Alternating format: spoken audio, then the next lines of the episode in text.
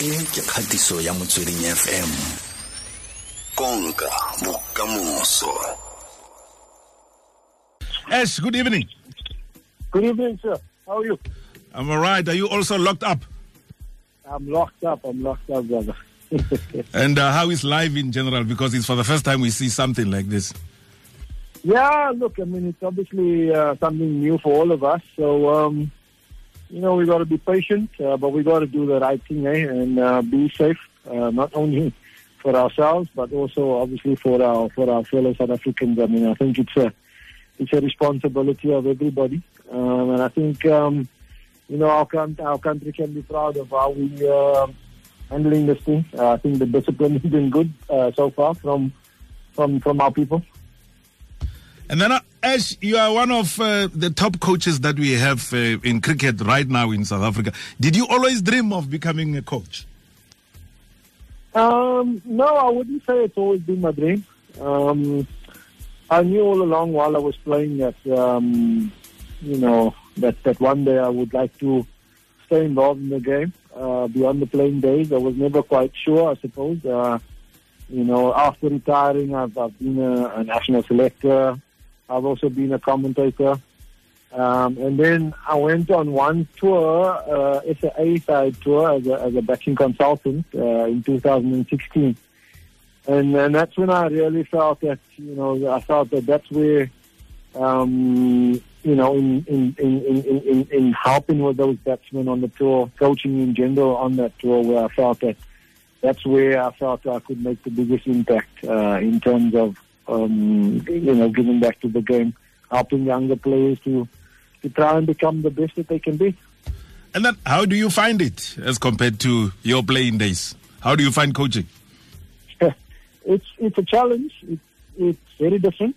Um, you know, as a player, you obviously you've got your own ambitions, and you basically you only have your own form to concentrate on. Um, you know, you you know you kind of know when you're out of form and you need you need some runs, you need a score, um, and and you are basically the only person that you're concentrating on. And when I say you, you making a contribution to the team, whichever team you're playing for, whether it be uh, Cobras or Warriors or, or Proteas or Lancashire, whoever you're playing for, you worry about you making a contribution to the team.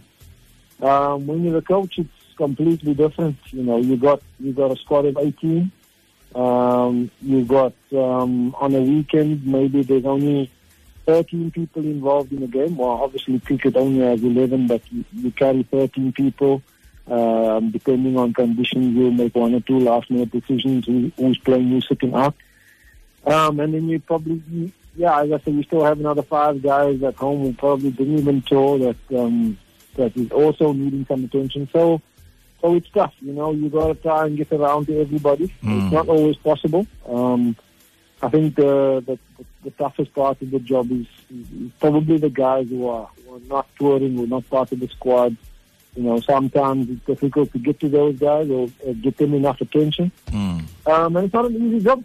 You know, you got you obviously um, you've got to try and understand people uh, because everybody's personality is different, and that's the biggest thing. You know, a lot of people have had a lot of success in cricket and in sport and in life in general, Mm. doing things doing things differently uh, from the way that I got my success.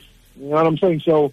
Um, not everybody is going to get their success the way that you did it as a, as a player. And that's one of the things that you have to understand as a coach that other people are going to go about things in their own ways, you know, and you got to let them, you've got to let them be who they are. A few days ago, you announced the new uh, squad for 2020-2021 season. What's in for us, especially uh, Ash, because you didn't perform well in the two, uh, uh, the four-day series and uh, the one-day cup. Uh, I'm, I'm looking at the tables here. You are at number six on both tables. Yeah, look, we didn't have a great season. I mean, we, we spoke about that um, as, a, as, a, as a group. Um, and it's definitely, you know, we want to improve next year. We want to have a better season. Um, you know, we, we had a lot of individual success. um, this season. And what I mean by that is we had uh, six players make, make their debut for, for the Proteas in, in different competitions, test matches, ODIs, 2020 internationals. Um, so like I said, we've had obviously um, Janneman, Malan, Kyle Verreynne make their debut in, in one-day international cricket. Mm. And we had uh, Peter Malan, Zubair Hamza, George Linde, um, Dane Paterson all made their debuts this year. So like I said, we're really excited about that, um, that our players are, are making great strides in their personal careers. Um, but yeah, obviously we have to start putting that together into, into team effort. And then in the in the squad, you also included uh, the SA under 19 batsman, that is your Jonathan Bird. Uh, tell us more about him. Yeah, look, I mean, he's uh, Jonathan Bird. He's, he's only just turned 19 a couple of days ago, and um, he's a big boy. Um, when I say big physically, he's a big, strong boy, um, and he hits the ball really hard, you know. And he's an exciting young player. Uh, he had some good outings for the SM 19. Not so much in the World Cup, but before the World Cup and in previous tours.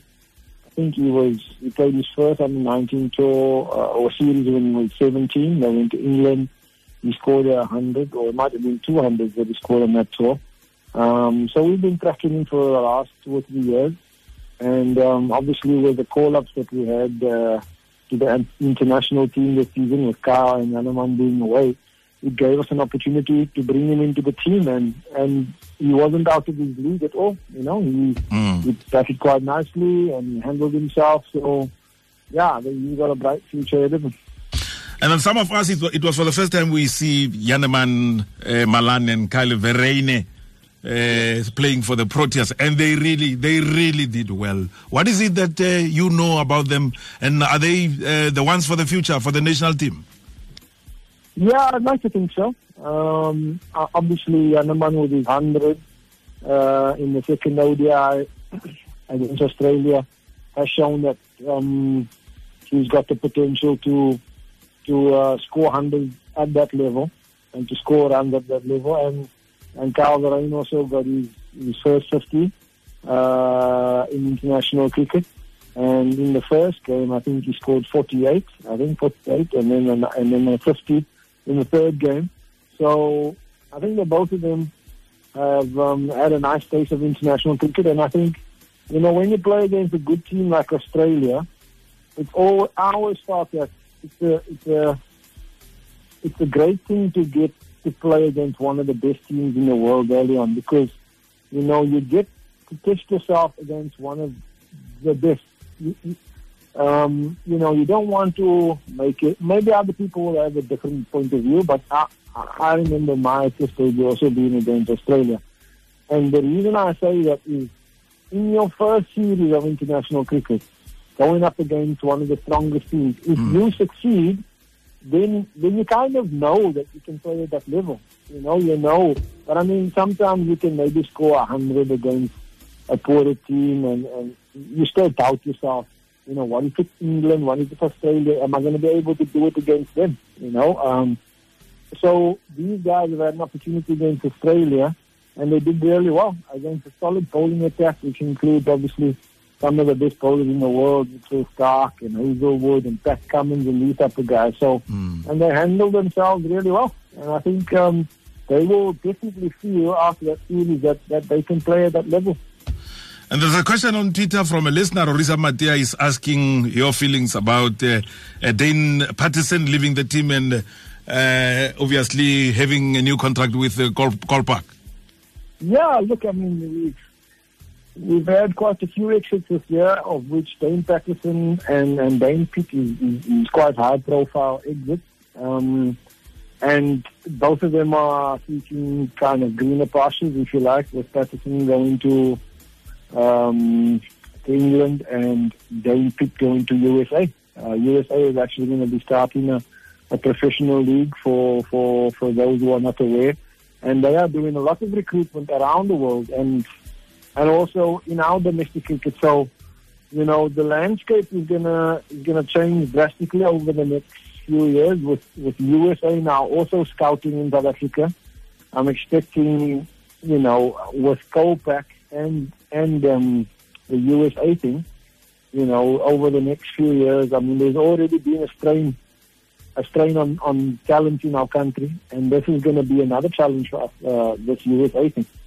Um, so Dane Paterson and Dane Piedt us, it's two experienced bowlers, and yeah, I mean, they've been some, you know, the, both of them have been uh, great stalwarts of the Cobras and Western Province cricket, and uh, they will be sorely missed. Ashwell, thank you very much for talking to us this evening and good luck for the new season. Thank you very much, and uh, it's been a pleasure to come on to the show.